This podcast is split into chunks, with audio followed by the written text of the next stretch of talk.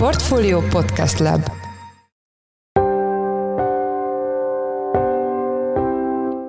Mindenkit üdvözlünk, ez a Portfolio Checklist október 26-án csütörtökön. Először is egy szolgálati jellegű közlemény Junior Prima díjat nyert kollégánk, Kövesi Károly, a Portfolio részvény rovatának elemzője. Ennek nagyon örülünk, és neki ezúton is gratulálunk. Mai műsorunk első témája, hogy hogyan folytatódik a családi otthonteremtési kedvezmény, amely a mai formájában ugye január 1-től megszűnik. Tehát, hogyha valaki például a 10%-os önerő követelménybe belefér, mert mondjuk első lakásvásárló, akkor akár azt is megteheti, hogy egy 58 millió forintos ingatlant részben a 8 millió forintos babaváró hitel részből, részben pedig az 50 millió forintos csok pluszból teremti elő. Ehhez persze három gyermeket vállalnia kell. A témáról Palkó Istvánt, a portfólió vezető pénzügyi elemzőjét kérdezzük. Az adás második részében az ukrán-orosz háborúról lesz szó, amivel kapcsolatban 20 Ország Dániel, lapunk globál rovatának vezető elemzője lesz a vendégünk. Én Forrás Dávid vagyok, a Portfolio podcast szerkesztője, ez pedig a checklist október 26-án. Egy rövid szünet, és jövünk vissza.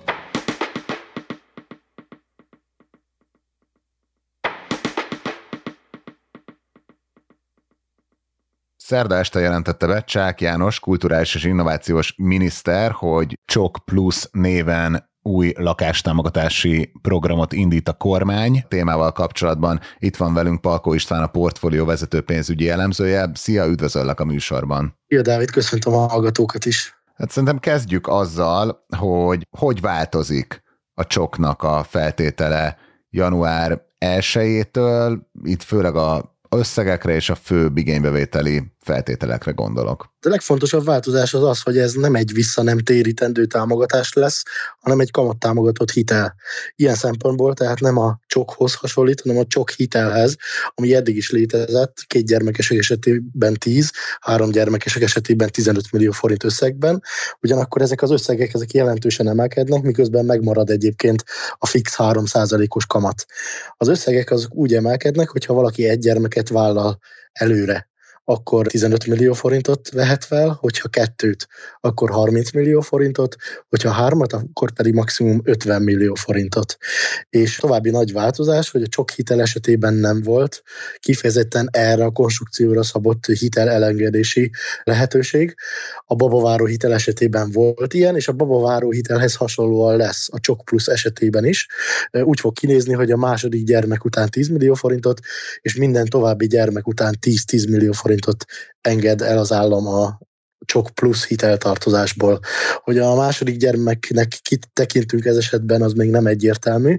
Lehet az is, hogy az összes gyermeket egyszerre nézik, és közülük a másodiktól érvényes ez az elengedés, de sokkal valószínűbbnek tartjuk, hogy ugyanúgy, ahogy a babaváró hitel esetében, csak az új gyermekeket veszik figyelembe. És ez mit jelent akkor gyakorlatilag a csok, az megszűnik, és a csokhitel bővül ki. Ez nem egy jobb interpretáció? Ugye kétféle csok volt eddig, a városi csok és a falusi csok, így egyszerűen fogalmazva.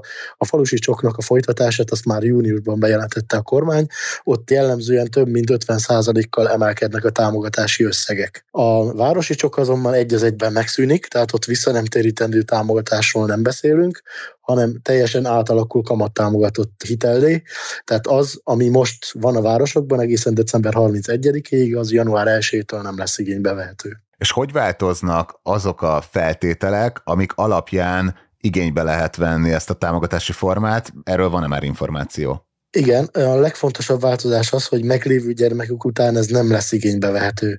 Ugye eddig az volt, hogy akik hitelt akartak például felvenni, vagy a csokot igénybe vették, azok kétféleképpen tudták ezt megtenni, vagy a meglévő gyermekek után, vagy pedig előre vállalt gyermekek után, és meglévő gyermekek után azok is igénybe tudták venni, akik egyedülállóak, vagy élettársi kapcsolatban élnek. Na most, mivel ezek után csak újonnan vállalt gyermekek után lesz igénybe vehető a csok plusz, ezért az egyedülálló munkavállalók és az élettársi kapcsolatban élők, azok egy az egyben kiesnek a jogosultak köréből, hiszen a kormány azt a logikát fogja tovább vinni, hogy a házasság jelenti azt a jogi aktust, ami bizonyítja a, a párnak hosszú távú elköteleződését a gyermekvállalás iránt. Úgyhogy lényegében elmondható, hogy a az eddigi jogosulti kör nagyjából a harmadára fog olvadni, tehát kiesnek az egyedülállók és az élettársi kapcsolatban élők, sőt azok is kiesnek, azok a házaspárok is kiesnek, akik nem vállalnak új gyermeket. Eddig egyébként úgy volt, hogy nagyjából a csoknak az egyharmadát vették igénybe újonnan vállalt gyermekre. Most ez az egyharmad lesz jogosult a csok pluszra is, csak sokkal hát sok megváltozó feltételekkel. A visszanemtérítendő támogatás az kamattámogatott hitellé alakul át, és a kamattámogatott hitelen belül a lehetőségeknek a a tárháza, különösen összegszerűen az, az jócskán emelkedni fog. Az egy idő lesz, amíg pontosan mindenki megismeri az új támogatási rendszer pontos feltételeit, de hogyha valaki csak támogatás segítségével szeretne lakáshoz jutni januártól, akkor milyen lehetőségei vannak? A Csok Plusz az egy hitel, tehát önerő szükséges hozzá. A tegnapi bejelentés alapján az első lakásvásárlók esetében ez 10% lesz, más esetekben úgy tűnik, hogy marad a szokásos 20%, tehát ekkor önerőre továbbra is szükség van. Ugye a teljes lakásértékéhez képest nézzük ezt a önerő százalékot, és ez azt jelenti, hogy azt az önerőt valahonnan elő kell teremteni. Jó hír az, hogy ezt állami támogatásból is elő lehet teremteni, vagy állami hitelből is akár, ugyanis a babaváró hitel az 75%-ban felhasználható önerőként a szabályok alapján is, meg a banki gyakorlatban is ezt láthatjuk. Tehát, hogyha valaki először felveszi a babaváró hitelt, aztán felveszi a csok pluszt is, akkor a kettő együtt már úgy is működhet, hogy egyébként más megtakarítással nem rendelkezik az adott házaspár, és ebből a kettő támogatási fajtából, vagy hitelfajtából már lakáshoz juthat. A babaváró hitelnek a maximális összege a jövő évtől 11 millió forint lesz, ennek a 75%-a, ami önerőként figyelembe vehető, az 8 millió 250 ezer forint. Tehát, hogyha valaki például a 10%-os önerő követelménybe belefér, mert mondjuk első lakásvásárló, akkor akár azt is megteheti, hogy egy 58 millió forintos ingatlant részben a 8 millió forintos babaváró hitel részből, részben pedig az 50 millió forintos csok pluszból teremti elő. Ehhez persze három gyermeket vállalnia kell. Kisebb összegeknél még jobban összejöhet ez, tehát a babaváró hitelnek az összege kisebb összegek esetében az még nagyobb önerő hozzájárulást jelenthet, például egy 40 millió forintos lakás esetében csak a babaváró hitelből összejöhet a 20% fölötti önerő is, és akkor ebben az esetben a 40 millió forintos ingatlan az megvásárolható a 30 millió forintos csok pluszból, illetve a mellé felvett babaváró hitelből, anélkül, hogy más megtakarítást be kellene vonni hozzá a pontos részletekről ugye már jelent meg elemzés a portfólión, ez megy az epizódjegyzetekbe, de beszéljünk még egy kicsit arról, hogy ennek az intézkedésnek milyen hatása lehet az ingatlanpiacra, illetve a bankokra. Ha jól értelmezem, akkor ez alapvetően egy pozitív hír a pénzintézetek számára. Abszolút pozitív ír a bankoknak így van, hiszen a bankok a hitelezésből élnek elsősorban, és azon belül a lakáshitel az egy fontos szerepet tölt be. Azt még nem tudjuk igaz, hogy milyen paraméterek mellett közvetíthetik a bankok ezt a támogatási formát, de az biztos, hogy magát a hitelt azt a bankok fogják kihelyezni, és a hozzá kapcsolódó kamattámogatást, illetve hitel elengedést fogja biztosítani az állam. A kamattámogatásnak a, a pontos mértéke sem ismert még, de a csok hitel alapján már lehet erről egyébként egy elképzelés, elképzelésünk. Minden esetre azok körében, akik jogosultak a hitelfelvételre, megemelkedhet a felvett hitelennek az összege, kis önerő mellett egészen magas összegű vagy értékes lakásokra lesznek jogosultak a házaspárok és különösen az ő körükben megemelkedett a hitelkereslet. Ugyanakkor, mivel kiesnek a támogatotti körből a városon élő egyedülállók és élettársi kapcsolatban élők, valamint azok a házaspárok is, akik már nem kívánnak új gyermeket vállalni, ezért összességében viszont a támogatotti kör az mégiscsak szűkülni fog. Most ez a pozitív és a negatív hatás, ez összecsap egymással, hogy melyik lesz az erősebb, azt még korai megmondani. Én azt várom, hogy összességében a lakáspiacra nem lesz olyan nagy hatása, hiszen a teljes támogatás látottti kör átalakulása az negatív és pozitív irányba is befolyásolja majd a lakáspiacot. Viszont ezen belül a hitelezett piacra, tehát egyrészt a hitelezett lakásoknak a piacára, illetve a, a lakás hitelezésre pozitívan hathat ez az intézkedés. Ráadásul nem csak az új lakásokére, hanem a használt lakásokére is, ugyanis az eddigi információk alapján nem tesz különbséget a, a Csok Plus az új ingatlanok, illetve a használt lakások között. És mik a legnagyobb nyitva maradt kérdések szerinted? Hát még az nem teljesen egyértelmű, bár Csák János miniszter mondott erről valamit, de kicsit bizonytalannak tűnt abban, hogy például a felvehető hitelösszegben a 15, 30, illetve 50 milliós hitel esetében ott hogy számolják pontosan a gyermekszámot.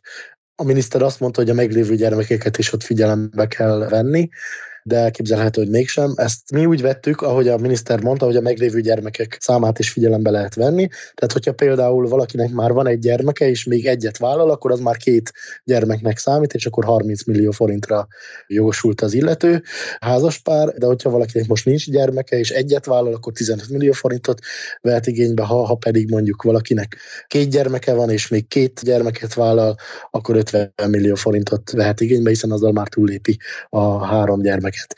Ennél még bizonytalanabb az, hogy a hitel elengedésnek, a 10 millió forintos hitel elengedésnek mi lesz a feltétele, pontosabban mi számít majd második gyermeknek, ahonnan ez a hitel elengedés igénybe vehető ugyanis a babaváró hitelnél például úgy van, hogy a, csak az új gyermekek számítanak be a második gyermekbe, de elképzelhető az is, hogy itt is figyelembe lehet majd venni a már meglévő gyermeket is. További tisztázatlan kérdés például az, hogy mennyi idő alatt kell majd teljesíteni a gyermekvállalást. Jelenleg egyébként a csoknál úgy van, hogy egy gyermekvállalás esetén négy, kettőnél nyolc, három gyermeknél pedig tíz év a, a határidő. Kérdés az is, hogy mi lesz azokkal, akiknek nem sikerült a gyermekvállalás, kell-e késedelmi kamatot fizetniük a már igénybe vett kamattámogatás visszafizetésénél vagy sem, lesznek-e a lakásra vonatkozó négyzetméter és egyéb elvárások, illetve banki oldalról érdekes még, hogy milyen díjat fizet nekik a közvetítésért az állam, illetve mekkora lesz a kamattámogatás úgyhogy vannak azért még bőven nyitott kérdések. Mikor ígéri a választ a kabinet? Egészen gyorsan november közepére megszületik elvileg, megszületnek a részletszabályok, és azt várjuk, hogy akkor nagyjából kimegy majd a magyar közlönyben is az erről szóló rendelet. Nagyon szépen köszönöm az elemzésedet az elmúlt percekben. Palkó István a portfólió pénzügy rovatának vezető elemzője volt a checklist vendége. Köszönjük szépen, hogy a rendelkezésünkre álltál. Én is köszönöm a figyelmet, sziasztok!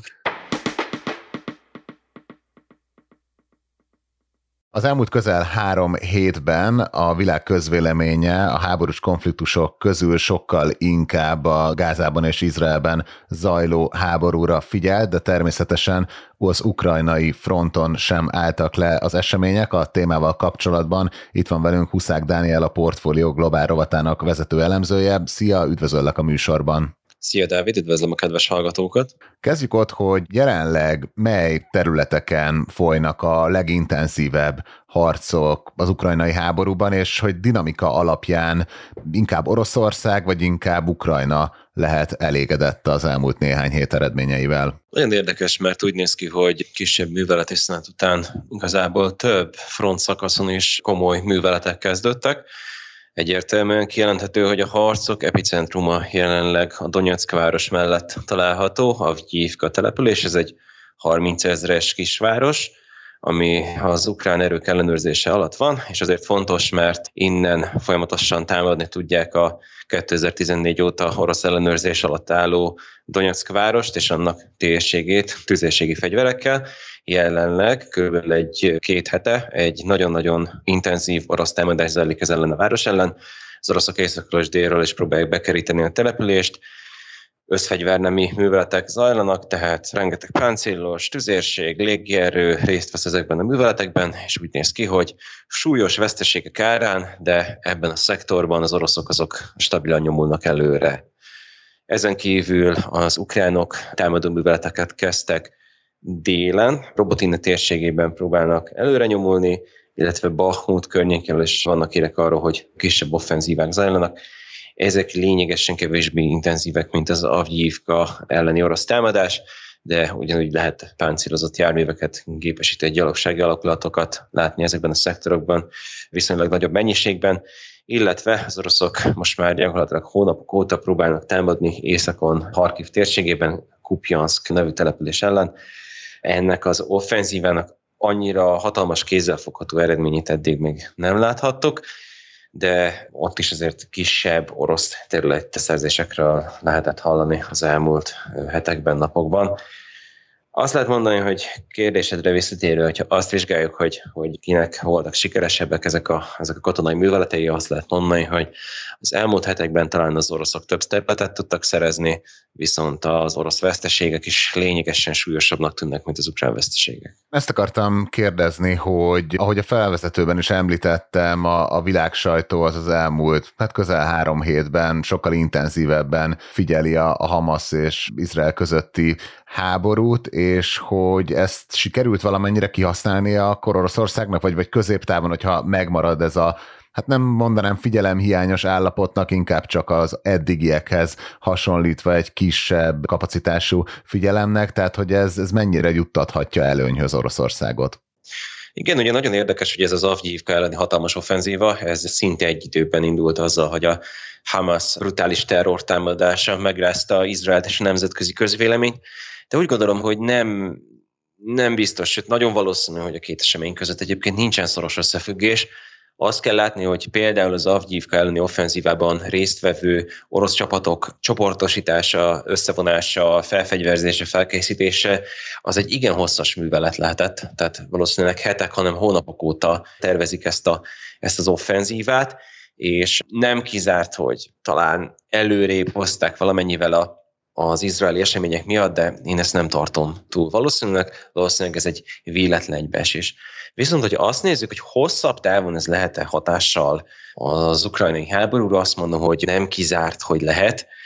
Ugye azt lehet látni, hogy ugye az Egyesült Államokban például a kongresszusban már nagyon régóta hetekkel az izraeli események előtt is komoly viták zajlottak a republikánusok és a demokraták között annak kapcsán, hogy pontosan milyen összegekkel finanszírozzák Ukrajnát. Ez ugye azért fontos, mert az Egyesült Államok torony magasan a legnagyobb támogatója, mind fegyverek, mind pénzösszegek tekintetében Ukrajnának és az ukrán védekezési műveleteknek, és ugye hetek óta nem tud a két nagy párt ennek a támogatásnak a pontos mértékéről megegyezni. Most ugye Joe Biden elnök beadott egy, egy javaslatot a kongresszus elé, melyben azt szeretné, hogyha 60 milliárd dolláros keretet biztosítanának Ukrajnának a a támogatás fenntartására a következő egy évben, az még mindig nem világos, hogy pontosan ebből a 60 milliárdból mennyi menne fegyverre és mennyi lenne egyéb támogatásokra, de hogyha ez mind fegyverre menne, akkor ez még emelné is az Ukrajnának eddig biztosított katonai támogatások összegét, amely körülbelül egy 40-42 milliárd dolláros összeg volt a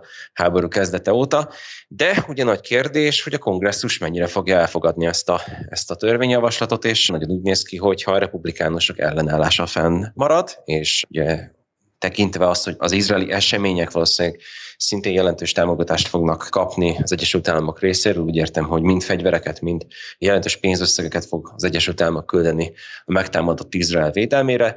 Ezért talán valószínű az, hogy nem biztos, hogy ezt a 60 milliárd dolláros package sikerül átverni a, a kongresszuson.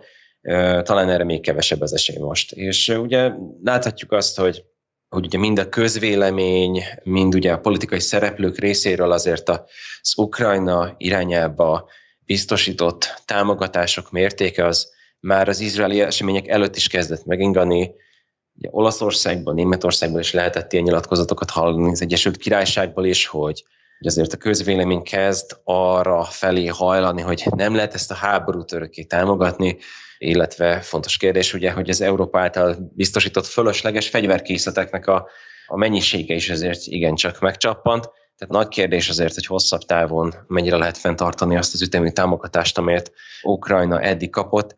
Azt látom, hogy, hogy valószínűleg ez a dolog, ez, ez csökkenő ívet vett fel, még azelőtt is, hogy az izraeli sajnálatos események megindultak. Igen, ez egyébként érdekes, mert korábban is sok elemző beszélt arról, hogy gyakorlatilag most őszig van egy ilyen, hát ilyen szabadkártyája, vagy nem tudom, hogy fogalmazhatnék, Ukrajnának a különböző támogatások tekintetében, és hogy áll Oroszország, ugye Putyin nemrég, talán szeptemberben találkozott Kim Jong-unnal, és annak a csúcs találkozónak az egyik hát megállapodás, amit nyilván nem hoztak nyilvánosságra, de ott is elemzők arról beszéltek, hogy egy nagy méretű fegyverutánpótlással állapodhattak meg. Ez mennyire indulhatott be? Mind műhold felvételek, mind hírszerzési jelentések tömkelege arról árulkodik, hogy most már hetek óta zajlik a fegyvertranszfer Észak-Korea részéről Oroszországnak.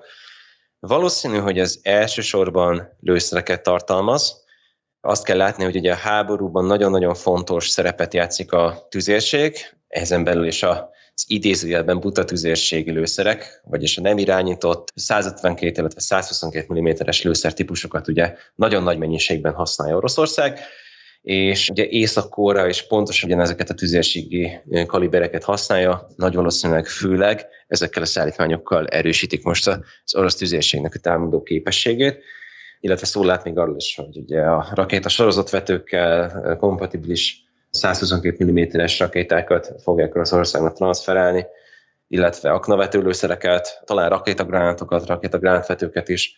Ugye sok minden nem világos, de valószínűleg ez, a, ez az együttműködés elsősorban lőszerek transferéről szól, és az együttműködés már szinte biztosan megindult, olyannyira, hogy már arról is vannak hírek, hogy az orosz csapatok elkezdték használni az ukrán fronton az észak által biztosított lőszereket. Tehát úgy néz ki, hogy ez egy, ez egy jelentős boostot adhat az orosz támadó képességeknek. Nyilvánvalóan ugye sokan élcelődtek azon, hogy hát Oroszország ez most 60 éves fegyvereket, meg lőszereket vesz Észak-Koreától. Ezért azt lehet látni, hogy az ukrajnai háborúban nagyon fontos szerepet játszanak ezek a hagyományos, nem éppen modern technológiát képviselő eszközök is, élen a tüzérséggel. A végén még arról beszéljünk egy kicsit, hogy mire érdemes figyelni a következő időszakban a fronton, például, hogy várható-e, amiről tavaly is beszéltek így ősz környékén, hogy a csapadékos időjárás az egy olyan sártengerré változtatja a hadszínteret, hogy gyakorlatilag befagynak a frontvonalak. Hát először is azt tudom mondani, hogy ugye eleve annyira minimális volt így a területszerzés, akár orosz, akár ukrán részről az elmúlt 8-10 hónapban, hogy talán kijelenthető az is, hogy igazából a frontvonalak azok már rég befagytak. Inkább az a kérdés, hogy, hogy mennyire lesznek képesek akár az oroszok, akár az ukránok fenntartani a nyomást a másik félen ezekkel a folyamatos kisebb-nagyobb támadó műveletekkel, és nyilvánvalóan, amit te is mondasz, az látszik, hogy a háború eddigi dinamikai alapján is, hogy azért így a késő, késő őszi, illetve kora tavaszi soros esős szezonban azért tényleg jött egy, egyfajta műveleti, műveleti szünet, mind orosz, mind ukrán részről. Aztán ugye tavaly volt egy, egy nagyobb offenzíva kísérlet orosz részről télen, ami lényegében teljesen eredménytelenül zajlott. Nem kizárt, hogy ismét lesznek ilyen jellegű előkészületek majd.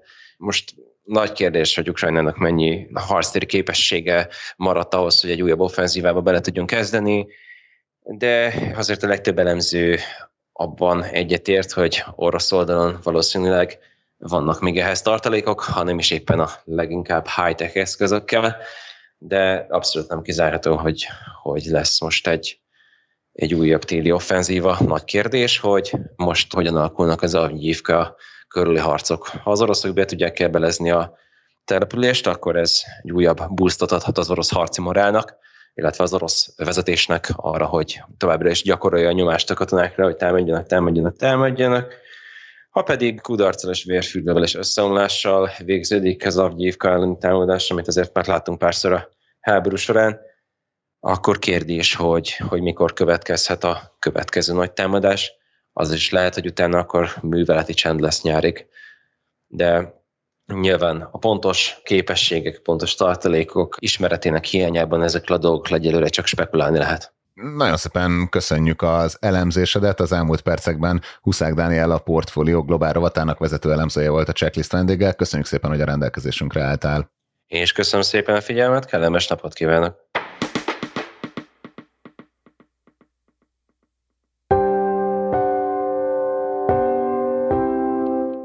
Ez volt már a Checklist, a Portfolio munkanapokon megjelenő podcastje. Ha tetszett az adás, iratkozz fel a Checklist podcast csatornájára bárhol, ahol podcasteket hallgatsz a neten. A mai adás elkészítésében részt vett Bánhidi Bálint, a szerkesztő pedig én Forrás Dávid voltam. Új adással holnap, azaz pénteken jelentkezünk, addig is minden jót kívánunk, sziasztok!